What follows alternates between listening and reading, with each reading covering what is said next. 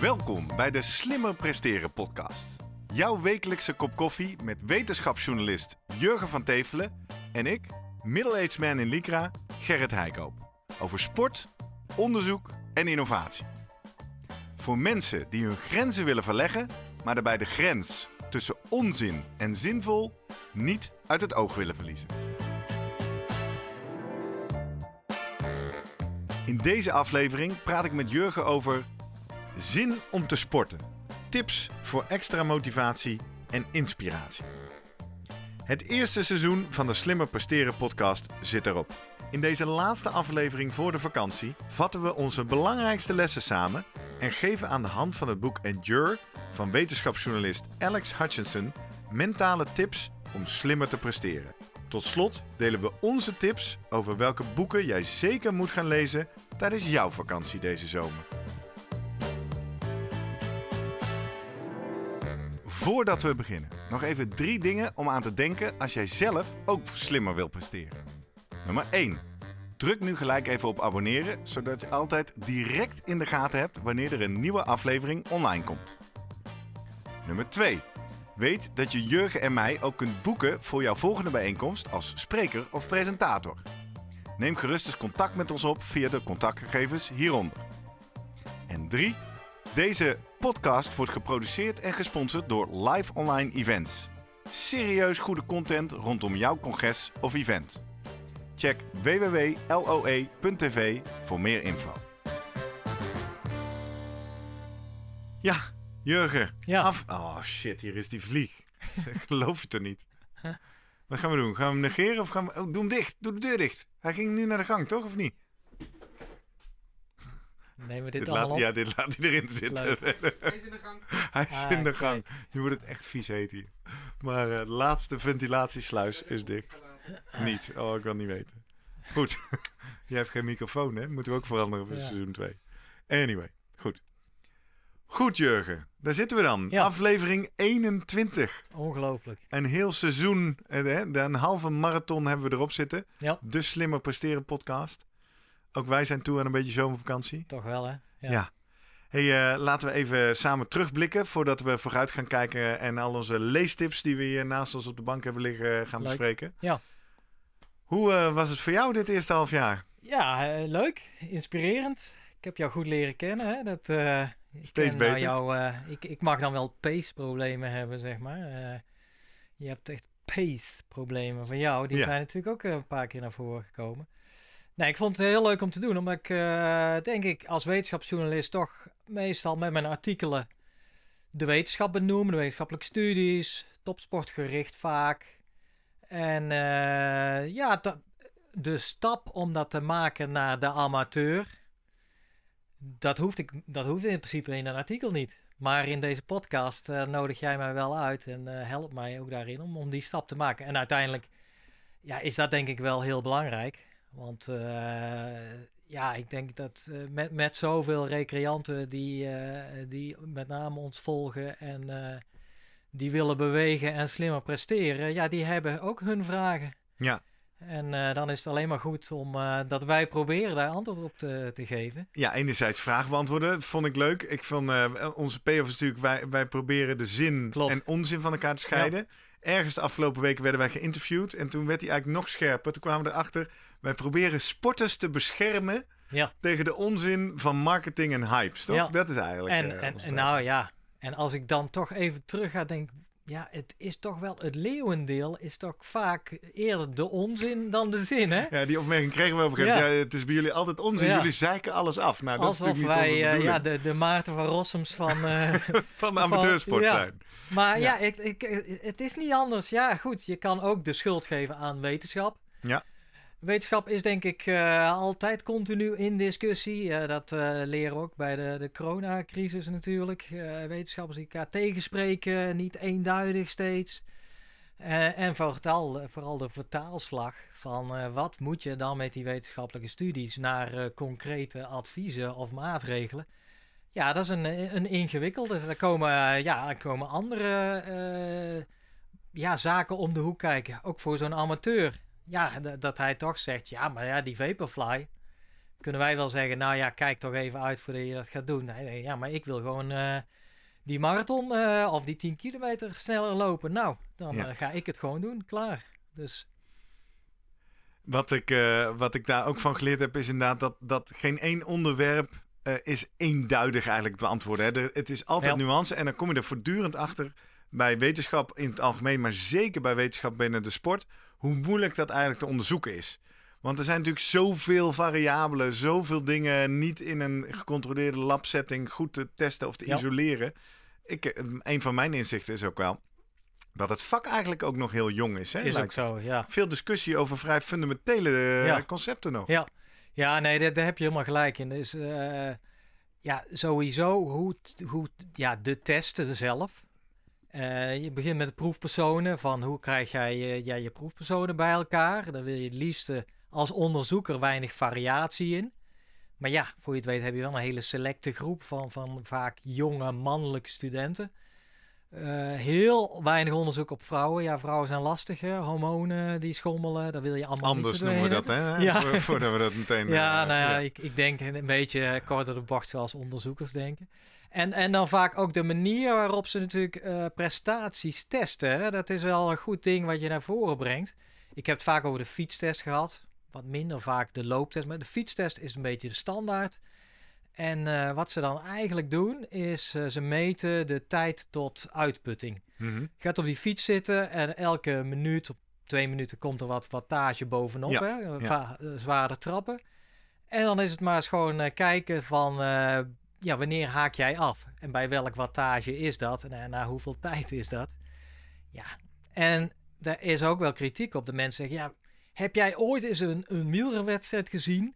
waarin eh, eigenlijk getrapt wordt totdat je niet meer kan en dan stap je af? Nee, dat slaat natuurlijk helemaal nergens op. Nee, Dus, eh, dat, dat is al een, dus het staat al ver überhaupt van het dat is de alweer een model Ja. natuurlijk. Want op basis van zo'n test bepaal je maximale VO2 max en maximale zuurstofname. Zegt iets over maximale conditie, waarna je dan gaat Ja. afleiden wat jouw prestatiecurve zou moeten zijn in een duurinspanning. En, Ja. en juist bij die test komt er ook wel wat kijken van hoe graag wil jij? Hoe graag wil jij doorgaan? Ja. Als jij er helemaal doorheen zit, ja, dan kan je ook zeggen, nou ja, eh, leuk, leuk voor de wetenschap, maar hier stop ik.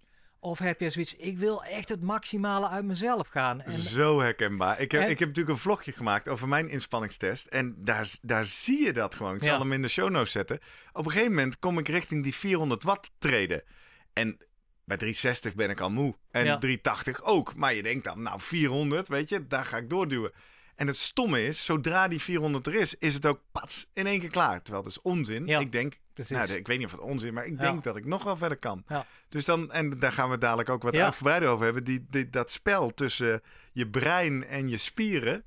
Ja, daar is nog heel wat over te zeggen. Ja, zeker. En dat is eh, denk ik, nou ja, dat, dat- het is wel het boek wat we allebei natuurlijk gelezen hebben, wat een beetje de ogen daarop opent. Eh, ja, ik heb Alex Hutchinson eh, gezien, hè? Live. Ja, het boek waar je het over hebt ligt hier op onze vakantie aanbeveelstapel. Endure heet het.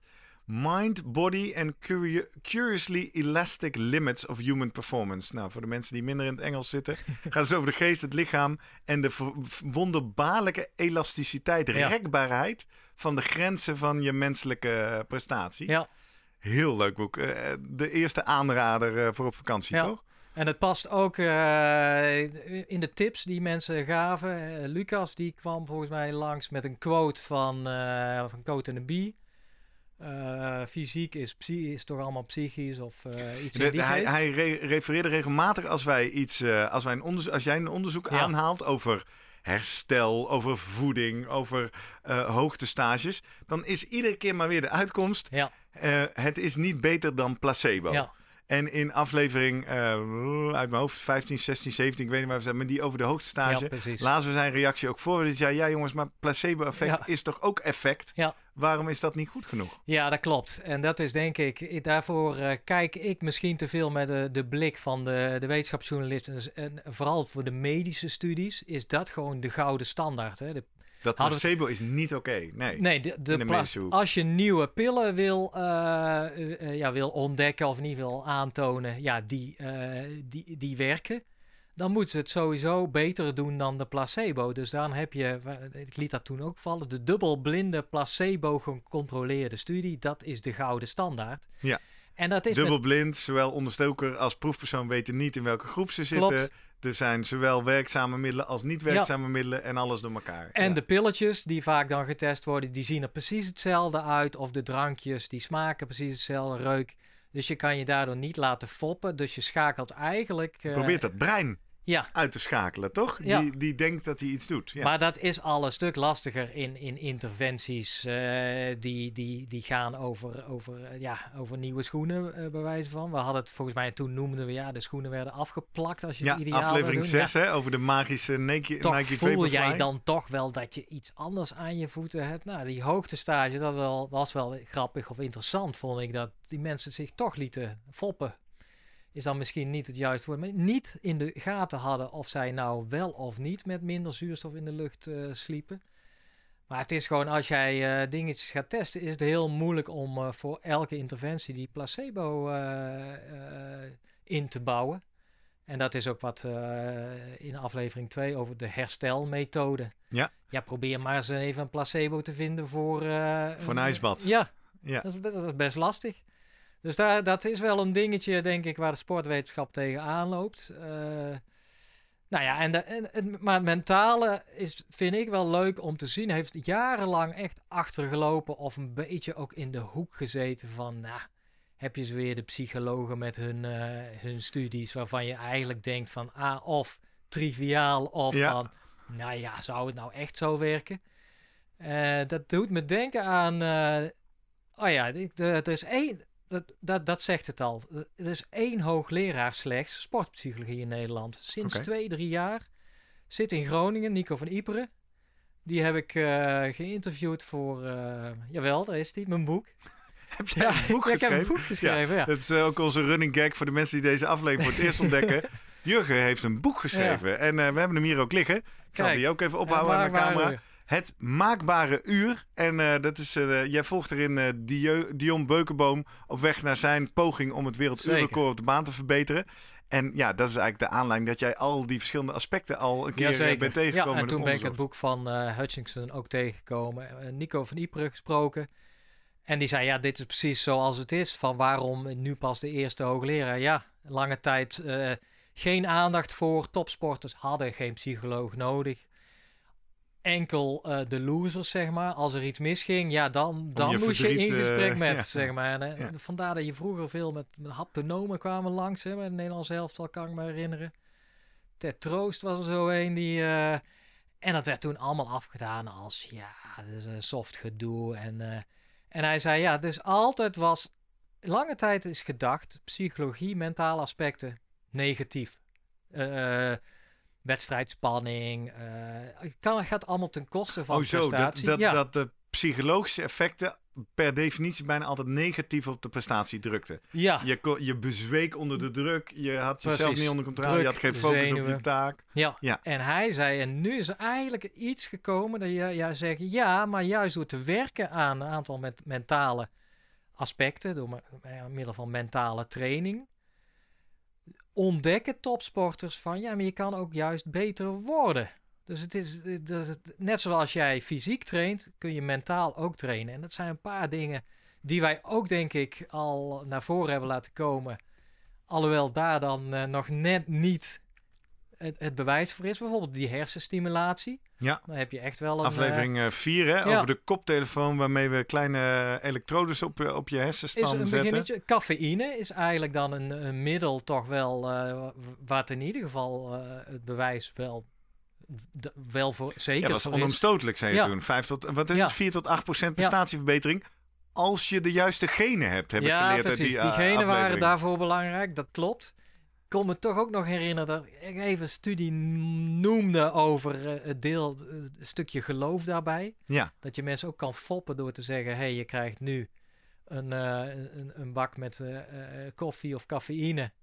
En dat mensen uiteindelijk toch zich gedroegen naar wat ze verteld was. Maar los daarvan, ik bedoel... Die... Ja, want dat is, dat is wat ik het meest uit dit boek gehaald heb. Mhm. Zonder hem helemaal te spoilen. Want er Ja. staan fantastische anekdotes in. Hè? Hij, hij gaat eigenlijk ieder hoofdstuk eh, begint hij met een soort bizarre menselijke performance. Mensen Ja. die weken overleven zonder eten en drinken. Mensen Precies. die dieper kunnen duiken. Nou, ik ga ze niet allemaal noemen. Ehm, maar de, de fundamentelere discussie die ik hieruit leer... is dat jarenlang de sportwetenschap heeft gedacht... dat je fysiek je beperkende factor is. Namelijk, wat kunnen jouw spieren, wat kan je hart-longsysteem, wat kunnen je botten aan? Ja.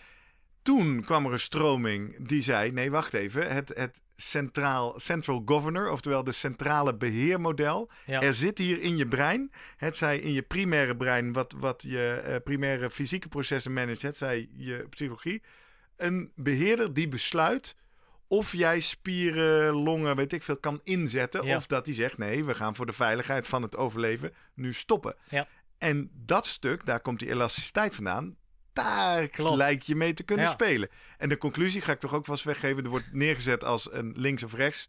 En het lijkt nu een combinatie van beide te Ja. zijn natuurlijk. Ja, want inderdaad in die Central Governor was wel duidelijk van ja, daar komt alles binnen in dat brein. Eh, je hebt natuurlijk de input vanuit je spieren, vanuit je, je bloed, vanuit je longen, vanuit je hart, de temperatuur. En dat brein moet dat allemaal eigenlijk in, in goede banen leiden om die, die schade zo min mogelijk te maken. Dus die trapt op een gegeven moment de rem in. Vaak veel te vroeg is Ja. ook de conclusie. Hè? En je kan is- nog veel dieper dan je denkt dat je kunt. En dat is wel, maar in, in, in de Central Governor is toch veel nog een passief schakelcentrum. Eigenlijk lange tijd gedacht, ja, daar kan je niet actief ook nog overroelen of noem maar op. Maar dat doet wat Hutchinson en die nieuwe stroming is de psychobiologie, wat die Italiaans Samuel Marcora juist aanhangt. En, eh, en die zeggen juist, nee, het is niet zozeer van, eh, en, en dan werd ge- altijd gedacht, oh ja, en het, en het, het eh, vanuit dat... eh, dat schakelcentrum, dat stuurt eigenlijk een kopie naar een ander plekje in je brein. En dat geeft eigenlijk aan hoe zwaar je het hebt. Hoe lang kan ik nou nog doorgaan met Ja. deze inspanning? Het is gewoon een kopie van wat er eigenlijk in dat, nou ja, met name dat, dat schakelcentrum gebeurt. De studies van die Hutchinson ook veel aanhaalt, eh, die zijn juist van, eh daar zeggen nee, die dingen, het is niet gewoon een kopie. Dat is wel da- daadwerkelijk een apart centrum wat kan overroelen, wat kan eh, bijschakelen. Dus in die zin kan je het commandocentrum, eh ja, dat kan je manipuleren. En dat doet hij heel mooi, vind ik, door eh, inderdaad met, met voorbeelden aan de slag te gaan. Nou, hij noemde in Amsterdam Op het, verhaal. Ja, het congres waar, je, hem ja. zag. Ja. En eh, nou ja, het was wel grappig, want hij, hij schreef in mijn boek. Ik denk, nou, die vent die is wel een beetje door. Want jij bent met jou, dit is mijn exemplaar, Ja, jij bent met jouw precies, exemplaar mijn eh, naar exemplaar. Oh, daar Tuurlijk, ligt hij. vond hij heel leuk. he- hebben we hier de handtekening van Alex Hutchinson? Ja, want ik was de enige, denk ik, die, die dit boek bij had. Al die doktoren die daar waren in een fancy uh, Ja, hou, hou hem even op eh, naar de camera ook voor onze kijkers op YouTube. Nou ja, daar staat bijgeschreven to Jurgen. Oh, iets meer naar jezelf toe houden, anders zien we het niet. Even naast je gezicht. Ja, daar ja. Ja, daar. Daar zijn we. It's all in your head, Alex Hutchinson. Nou, heb je het al all in your head, ja. Eh, en, maar dat was ook wel de moraal van het verhaal wat hij daar hield. Hij, eigenlijk ging hij gewoon puur in van wat je allemaal wel niet kan doen met een aantal eh, tips die hij gaf. Om, om inderdaad die vermoeidheid minder te voelen. eh, en om eigenlijk je, je, prestatie te verbeteren door wat, wat simpele dingetjes. En hij, hij begon daarmee. Hij begon eh, eigenlijk tot te zeggen, nou, dat was een studie al van 19, de jaren 80. Vragen ze mensen om eh, de, de muur zit te doen. En eh, nou, Oftewel met je, met je kont tegen de muur en je benen in een hoek Ja. van 90 graden. Lang en dan ga je voelen, op een gegeven moment gaat dat branden en en trillen. nou, dan wil je opgeven. En, en toen zeiden ja nou, toen werden die mensen beloofd van, nou je kan wat geld verdienen. Eh 10 dollar, 20. Nou, en ze gingen steeds langer, langer, langer, hielden ze het vol. En dus hij, hij zei toen, ja, is, is, denk jij dat geld de fysiologie verandert hier? Verandert het, doet dat iets in hun spieren of eh, iets? Nee, dat, Nee, dat het is is duidelijk. motivatie. Ja. En vanuit daar heeft hij, eh, ja, heeft hij een paar aspecten uit zijn boek die ook langs zijn gekomen. We hebben de lachende, de gezichten van de lachende plaatjes, eh, die je dan heel kort, dus eigenlijk on, terwijl je niet eens bewust Ja, ziet niet wat doet. waarneembaar, hè? Ja, Nee. ja. Eh, simpele dingen als sporten in een team. Ik vond wel een interessante, eh, leuke studie dat die eh, bij de Oxford 8, die, die zijn gemeten in Engeland. Wat ze deden, die, die gingen een roeitest, ergometertest in het lab. Nou, behoorlijk diep gingen die dan. en dan gingen ze de, de, de- bij hun na afloop volgens mij de pijntolerantie meten.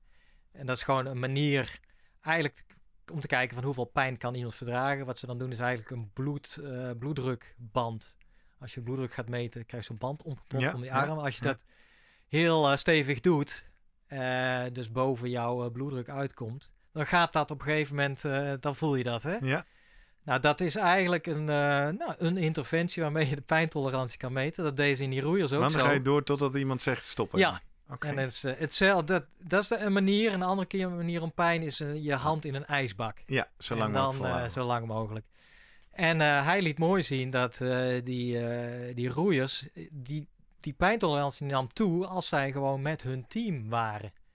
Het idee al dat van... je niet als eerste wil opgeven. Zoiets, ja. Dus je haalt wat meer uit elkaar. En dat staat dan weer los van waar we het over gehad hebben. De, de, de, de avatars, hè, de poppetjes op het scherm voor, jij, voor je. Of jij ja, dat die- was als je in een virtuele wereld eh, of op een scherm voor je op de fiets iets ziet van dit was jouw vorige tijd. En die Ja. is stiekem eh, tot geloof ik 5% harder gezet dan die was. Mhm. Dan denk je toch van oké, dat kan ik blijkbaar, dus dat moet ik volhouden. En hetzelfde Ik als... moet ook denken, dit is ook wat Miranda Boonstra zei natuurlijk. Hè? De hele andere context. Ja. Maar bij het trainen bij eh, dames met borstkanker. Dat juist die groep Ja. zorgt dat mensen komen. Dan kom ik wel even Ja. bij je punt. Dat is natuurlijk een redelijke open deur. Het is Dat een weten we open deur. allemaal. Ja, ja, oké, maar ik, dan vind ik dan... Sommige open deuren blijken toch niet die open deuren. Ja, lees, nou ja, en lees het, het mooie is om de cirkel rond te maken. Ja. Dat toont dus maar aan, en, en dat zeg je eigenlijk van oudsher, was de hele sport, topsport met name, maar de hele trainingsfilosofie altijd maar gericht op dat fysieke. Klopt, ja. En juist door die open deuren ook even te benoemen en het eh, fundamentelere onderzoek erachter wat Alex aan had, Ja. kun je dus erachter komen, wacht even, dat brein en het beïnvloeden van het brein heeft een veel grotere rol. Ja. En dus, en dan zijn we helemaal terug bij de opmerking van Lucas van Rosmalen, die placebo-effecten, dat zijn dus inderdaad ook wel degelijk effecten. Of tenminste, dat zijn misschien wel effecten via de kant van het brein. En Ja. niet via de kant van de psychologie. En daarom worden ze als placebo aangeduid. Ja, en, en er worden soms wel. Het is ook wel duidelijk dat, eh, dat er bepaalde stofjes vrijkomen. Ook bij als jij eh, met placebo, of als je ergens in gelooft, placebo-effect. Ja. Eh, en er is ook duidelijk die aanwijzing hoe cafeïne werkt. Via eh, die. Ja, Ja, die remt eigenlijk die pijnprikkel, Ja. eh, toch? En dat doet het eigenlijk door een verlaging van de stof adenosine. En adenosine is ook zo'n stof die echt op heel veel plekken in het lichaam voorkomt. Maar juist wat, eh, wat hij ook laat zien in, eh, in de studies, vind ik ook, ik weet niet of je dat herinnert, mentale vermoeidheid. Hè? Dat is ook zo triviaal misschien. Ja, als je niet een beetje moe bent, hard gewerkt, dan kun je twee kanten op. Of je merkt het ook aan je fysieke prestatie. Jij hebt gewoon minder zin of sowieso minder zin. Aan de andere kant kun je ook een frisse kop halen. Maar vaker is duidelijk, dat wordt gezegd bij voetballers of zo, mentaal moe of ze hebben druk gehad of een zwaar schema. Ja, dat heeft ook invloed op de prestatie. En dan denk je, ja, het zal wel. Eh, dat is echt ook iets van pas de laatste jaren dat ze dat proberen dan eh, echt door middel van wetenschappelijke methodiek te, Aan te tonen. ja, en wat ze dan doen is mensen achter een computerscherm eh, stoppen.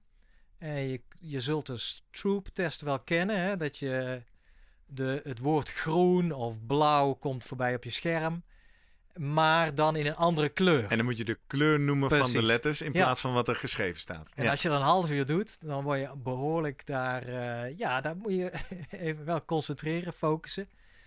Eh, het leuke dan is dat als je daarna mensen op een fiets zet, eh, dan zie jij 1, 2, 3 niet iets van dat er fysiek, tenminste als, aan de begintoestand veranderd is. De hartfrequentie is bijvoorbeeld hetzelfde, noem maar op.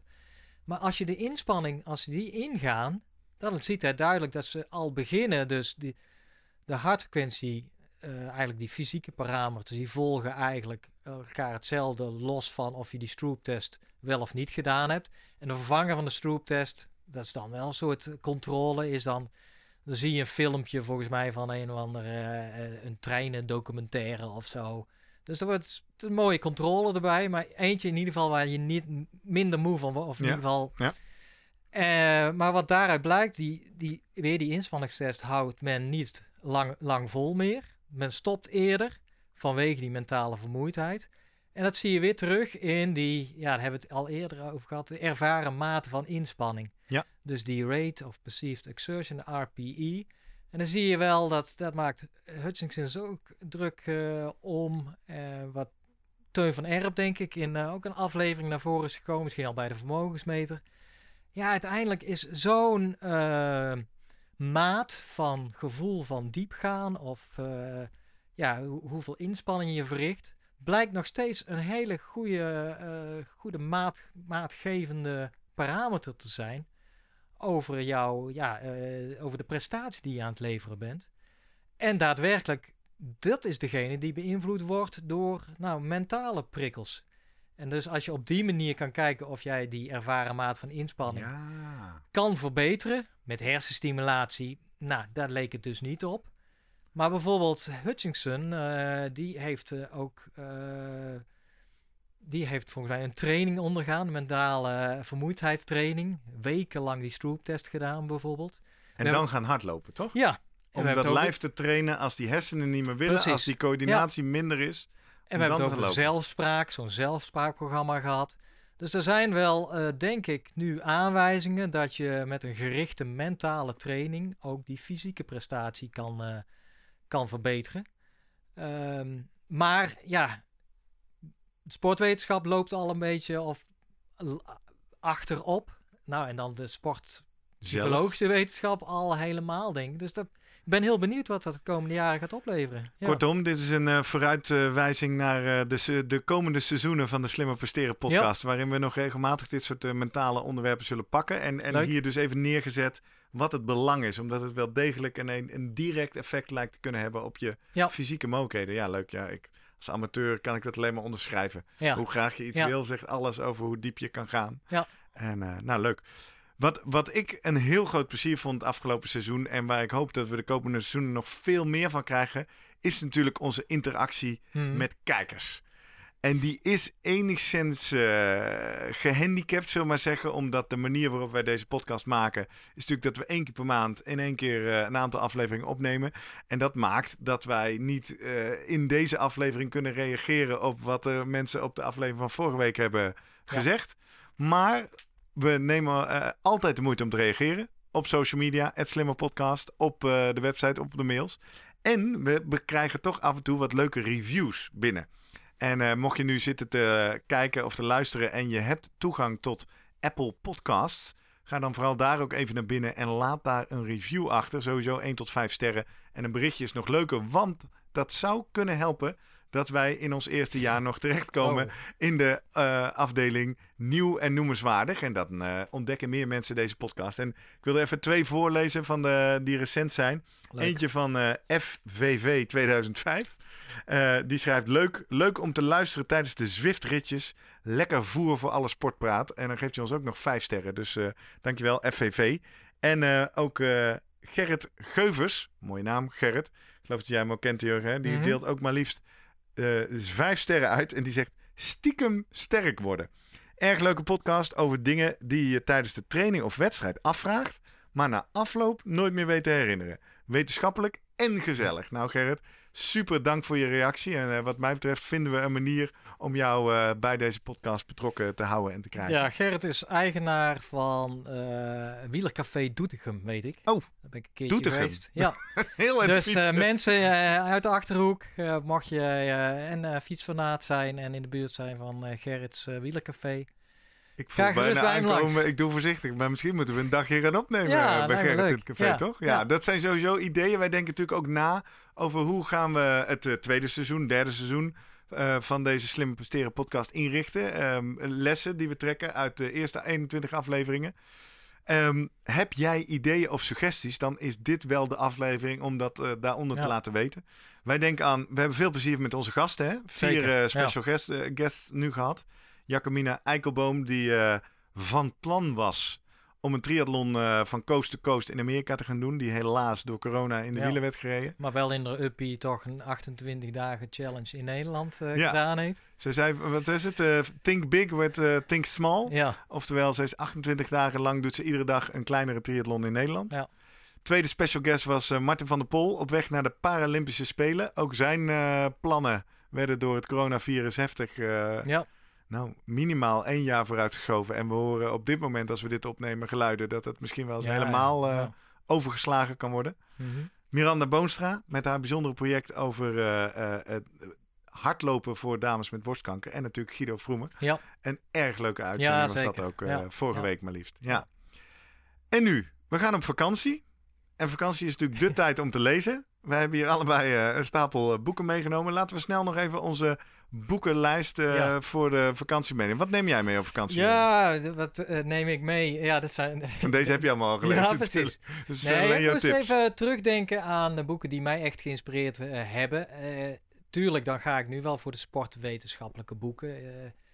Ik lees ook wel eens, ah, tuurlijk, ik, ik heb ook een Thomas Dekker gelezen of de, eh, de biografie van, van Cruijff. Of, eh, ook leuk, maar ik denk dat mensen die dit luisteren willen natuurlijk van mij horen welke boeken ik aanbeveel. Nou, naast Hutchinson, die is duidelijk, Endure. eh wat met, nou dat is een boek, die heb ik ah, toch al drie, vier jaar geleden. Dus dan maakt het ook, misschien heb ik een verkeerd beeld van gekregen, maar die kan me herinneren als zijn ontzettend ja, interessant en aangrijpend boek. Eentje die ik niet weg kon leggen, dat eh, Born to Run. Oké. Ik weet, volgens mij is die ook niet vertaald. Eh, Christopher McDougall, Amerikaans. Nou, ik lees sowieso veel Amerikaanse eh, boeken of Engelse. ehm. wat, ja, hij ging op zoek, ook weer sportwetenschappelijk en hardlopen. Dan merk je toch dat de mooiste boeken, vind ik, of die zijn dan geschreven over hardlopen. Wielrennen wordt vaak eh, ge- eh, ja, ge- geafficheerd met, met, met doping of eh, Ja, maar ook die- met romantiek, toch? En romantiek, Ik zit zijn echt wel Ja. een aantal coole wielrenboeken. Het is of-of, maar minder in de wetenschapshoek. Ja, eens. Maar Born to Run, hij gaat op zoek naar een stam echt ver weg stop in Mexico. En dat is een, een, een stam die ontzettend ja, enorm uithangsvermogen hebben, enorme lopers zijn. En dat heeft te maken met dat de dorpjes waarin zij wonen, die zijn allemaal echt verscholen in een eh ja, oerwoudachtige setting, canyon-achtige setting. Eh, ver van, van elkaar af. En eh, hij gaat eigenlijk naar, op zoek naar het geheim van hun hardlopen. Dat zijn enorme duurlopers. En dan gaat hij met een groepje Amerikanen langs. Zij lopen op sandalen. En nou ja, hij maakt dan uitstapjes ook naar schoenen. Hij gaat behoorlijk afgeven op, op Nike. Om, eh, eh, omdat uiteindelijk ja, de, het idee van Nike was: we gaan eh, mensen schoenen geven om ze te beschermen tegen allerlei blessures, noem maar op. En hij laat met, met allerlei studies die hij dan naar voren haalt zien van ja, eh, de, als er iets niet heeft geholpen tegen eh, blessures voor, eh, voor de recre- eh, recreatieve lopen, zijn het al hardloopschoenen. Geen enkele schoen kan eigenlijk, doet het beter dan blootvoets lopen. Dus hij, het is ook een beetje een pleidooi voor, voor, ja, voor de loopromantici. En in die zin zal Mi- Miranda ook wel Ja. het zijn, zijn boek omarmen. van de nieuwe Nike Maar ik vind, Ja. kijk, het mooie aan het boek is, dat is hetzelfde met Hutchinson, dat is, deel, dat is eigen ervaring, deels eh, ervaringen van, van topsporters of van andere lopers. En dat dan eh, mengen in een mengvorm met wetenschappelijke studies. Eh, dat doet hij heel mooi. Dat vond ik echt, eh zijn boek, die, die kan ik aanraden. In diezelfde context, oh ja, dat is eigenlijk twee uur heet two hours. Dus wel vertaald, twee uur. Dat is lang eigenlijk al eh, kwam uit voordat eh Kipchoge echt onder de twee uur ging. In 2019, hè? Ja, Najaar. en ik denk dat dit boek misschien zes, zeven jaar eh, ervoor was geschreven. Hij, hij toen al, het is Ed Caesar die dat geschreven heeft, op zoek ging naar, nou, hoe gaan we eigenlijk die twee uur bereiken. En dat is ook eigenlijk gewoon met een, een berekening begonnen van een, een onderzoeker die aan de hand van een VO2 max en een, een, een bepaalde loop eh, gewoon berekend heeft wat moet mogelijk zijn Nou ja, En, denk je dat het boek ook nog leuk is nu we weten dat eh Kipchoge het gedaan heeft? ja, misschien juist dan. Oké, want dan kun je hoe- die zeven jaar waar is het? Ja, precies. Waarom heeft het zo lang geduurd? Of waarom is het toch sneller gedaan dan? Nee, maar het is ook weer van eigenlijk ontstaat het idee van een, een wetenschapper die gaat berekenen. En wat soms natuurlijk wel, die slaan ook wel eens de plank mis. Want ik kan me ook herinneren dat die ja, voorspellingen voor marathons van, van, eh, van de dames. eh, die, die, die op een gegeven moment hadden die zoiets. Ja, de dames gaan harder lopen dan de mannen. Kan ik me, dat was echt een artikel. Staat in dat boek? Of, Nee, nee dat in Science. Dat is een Ja. stuk wat ik zelf ooit nog geschreven heb. Tillen we over vakantie. Ja. Dus af en toe moet je wel lachen natuurlijk om die voorspellingen. Maar in dit geval eh, bleek het gewoon waar te zijn. Behalve dan dat het oorspronkelijk idee was. Nou, dan praten we over 200, 2030, 2040. Met de normale eh, vooruitgang zoals die gegaan is. Maar ja, je, je merkt als, als de knappe koppen en de slimme mensen van Nike bij elkaar gaan zitten, kan het misschien allemaal wat sneller. Dus dat is Two Hours Born, Born to Run. Nou, dan moet ik toch ook, eh denk ik, van David Epstein, eh, de Sporting Gene. Ja, die heb je hier liggen. hè? Ja, topsport in de genen, Ja. ook vertaald. Ja, het is nature-nurture eh, verhaal. Eh, wat, wat denk je, ja, dat, dat is niet spannend. Het is toch allebei een beetje? Ja, zeker. Ook voor topsport. Het is duidelijk van eh, wel fijn om, om ouders te hebben die uit een sportief hout gesneden zijn. Maar dat wil niet zeggen dat een kind van sportieve ouders of van topsportouders ook zomaar even ook een hele goede topsporter gaat worden. Dus in dat boek ontrafelt hij welke aspecten Ja. van nature komen en welke van Ja. nurture, van omgeving, training. En, en nogmaals, het zijn allemaal eh, hoofdstukken van eh, nou, een stuk of twintig hoofdstukken. Eigenlijk echt gewoon ook leuk verhalend. Een paar dingen gewoon erbij haalt. Ideeën, hè, waarom zijn de Kenianen zo goed in hardlopen? Of de Jamaicanen in het sprinten? En er zijn inderdaad studies gedaan natuurlijk met, met eh, los van biopten naar, met, naar, naar genen gekeken, genenprofielen. is ook nog iets, volgens mij wat we steeds ook eh, weer terugkomen, komt, dat, dat, ja, dat zie je ook wel, wordt aanbevolen. Je kan een, je, je genprofiel, nou we hadden het al over cafeïne, en toen hebben we ook al gezegd, nou ja, cafeïne kan het misschien wel, eh, da- daar maakt het wel uit. Maar om nou te zeggen dat je bij, voor jezelf kan bepalen aan de hand van je genen van nou, eh, jij, moet, eh, jij gaat ooit op de marathon die in die tijd lopen. Ja, Nee, zo werkt het niet. Nee. veel complexer. Dus Sports Gene, hij is ook de schrijver trouwens van het boek over de range, over de generalisten. Die we in aflevering 3 hebben gehad. Ja, dat is waar die Over ook, de, eh, de, de, de toegevoegde waarde Ja. van het afwisselen in sporten. Ja, en hij tilt dat breder dan de sport alleen. Dus gewoon puur om, eh, om in eigenlijk deze complexe maatschappij het eh, ja, te, nou, te overleven. Of in ieder geval om, eh, om dat goed, eh, goed bij te houden. En eh, ehm, ja, alles goed te kunnen volgen. is het ja, door de complexiteit goed om dat generalisten hebben daarbij een voordeel. Laatste heb ik dan toch maar ook voor... ja, dit is, dit is niet een, een leesboek, maar altijd Ja, een, laat een maar even zien. een naslagwerk YouTube. Ja, van eh, waar Guido eh Vroemen, die we natuurlijk eh, vorige week hebben vorige gesproken. week hebben ja. gesproken, aan meegewerkt heeft.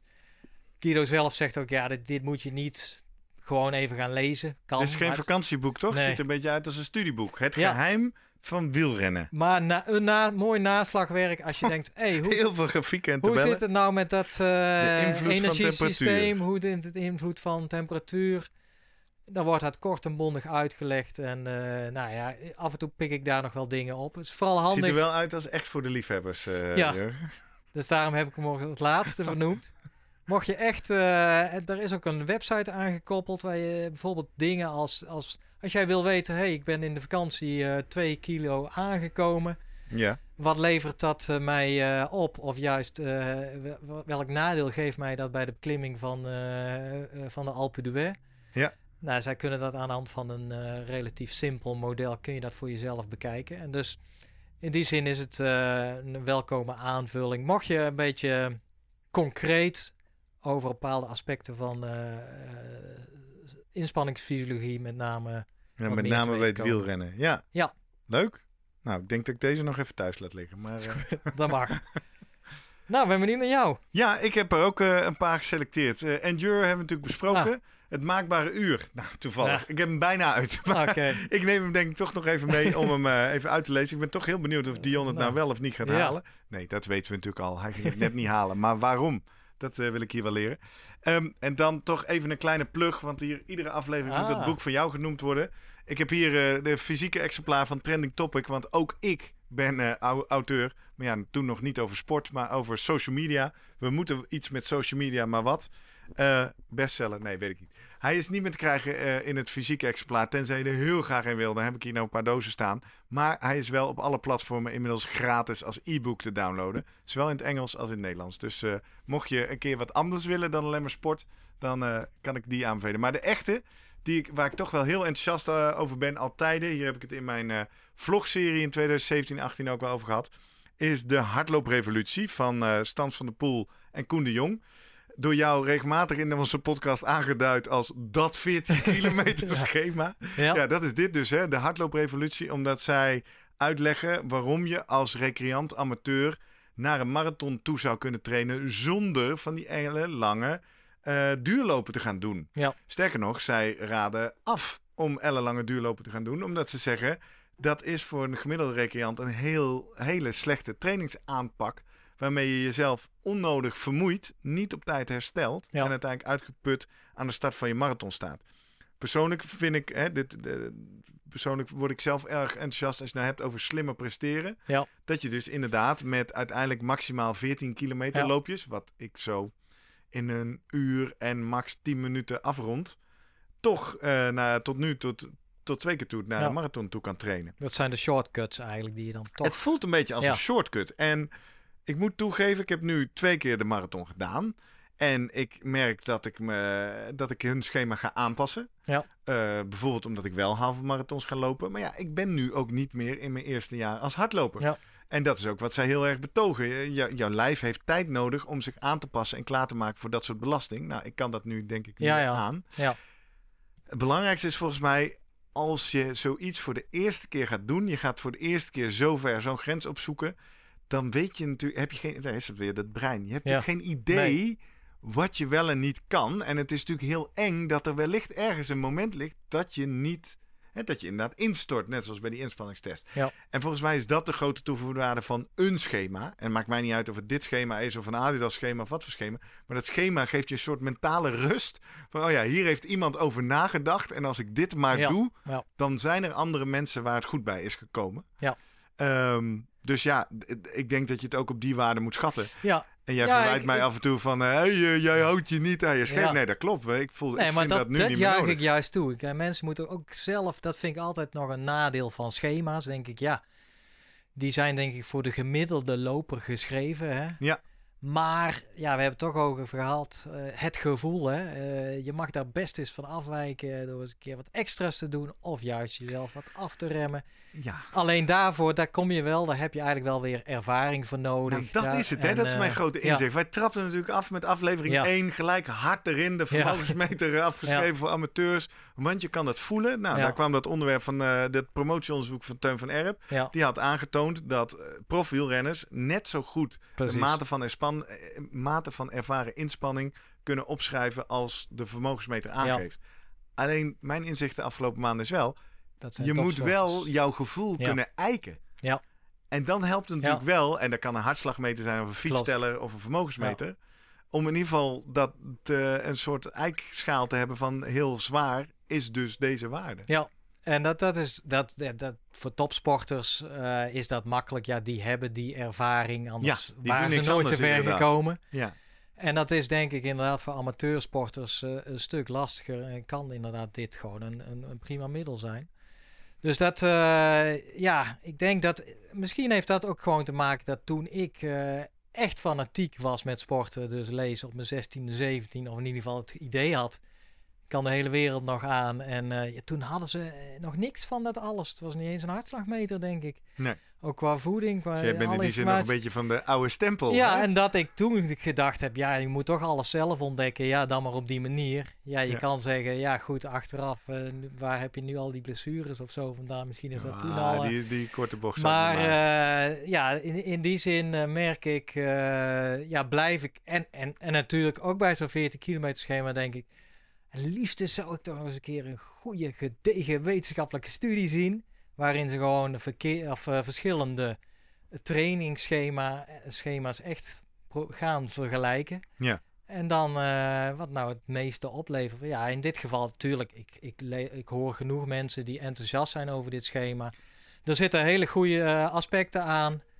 Uh, alleen ja, je blijft een beetje afgaan op ervaringsverhalen. En dat, ja, dat, dat ja, en een soort visie. Hè? Stans van de Poel is natuurlijk wel een gerenommeerde inspanningsfysioloog. Die wel vanuit een model Klopt. dat schema heeft ontworpen. En het is nog steeds inderdaad, als ik ga uh, wielrennen, een, een 200 kilometer tocht voor ogen, daar zou ik echt niet van tevoren een keer 200 kilometer gaan fietsen. Gaan trainen? Nee. zeker niet je, drie keer in drie weken. Als jij 100 kilometer uh, kan volhouden, nou dan in je, in je uppie, dan, dan kun je zeker in zo'n wedstrijd of in zo'n toertocht. Uh, ja, hetzelfde voor schaatsen. Als, als er weer eens een keer geschaatst kan worden, nou. Ja. Uh, hey, tot slot, wij gaan op vakantie. Uh, ik heb de afgelopen jaren ook gezien dat de vakantie traditioneel mij een enorme oh, dip ja?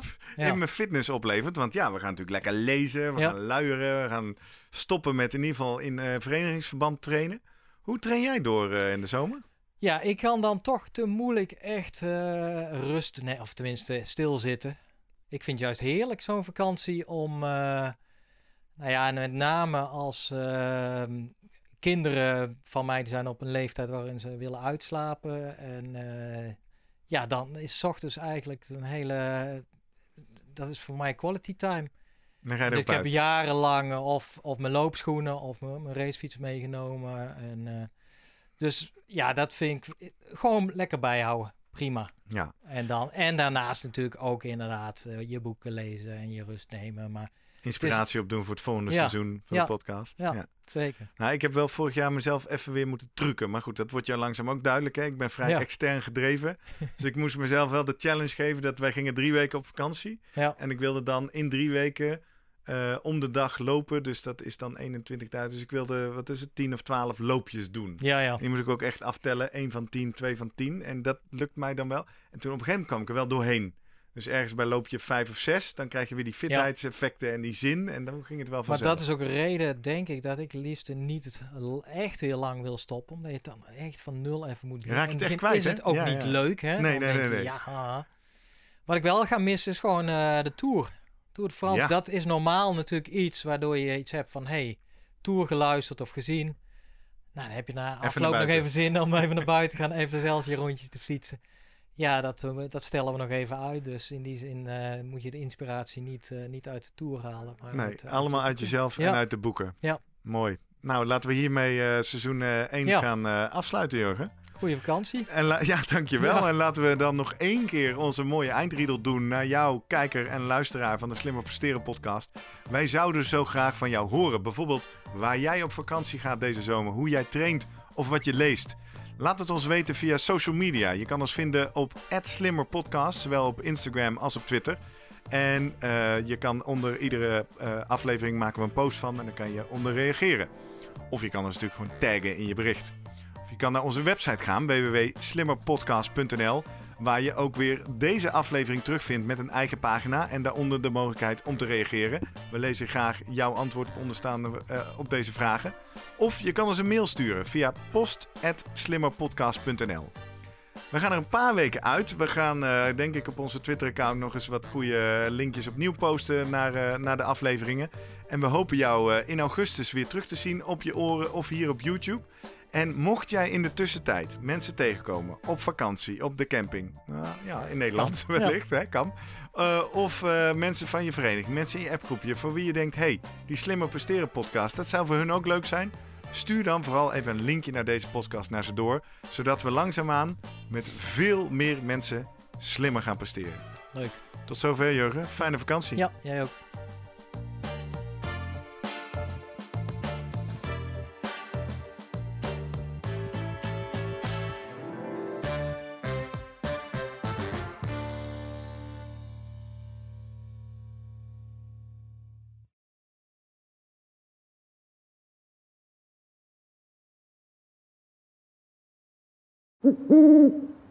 Hey, pst, voordat je weggaat, denk er nog even aan uilentorenloop.nl. Dan zien we je de eerste zaterdag van juni. Tot dan!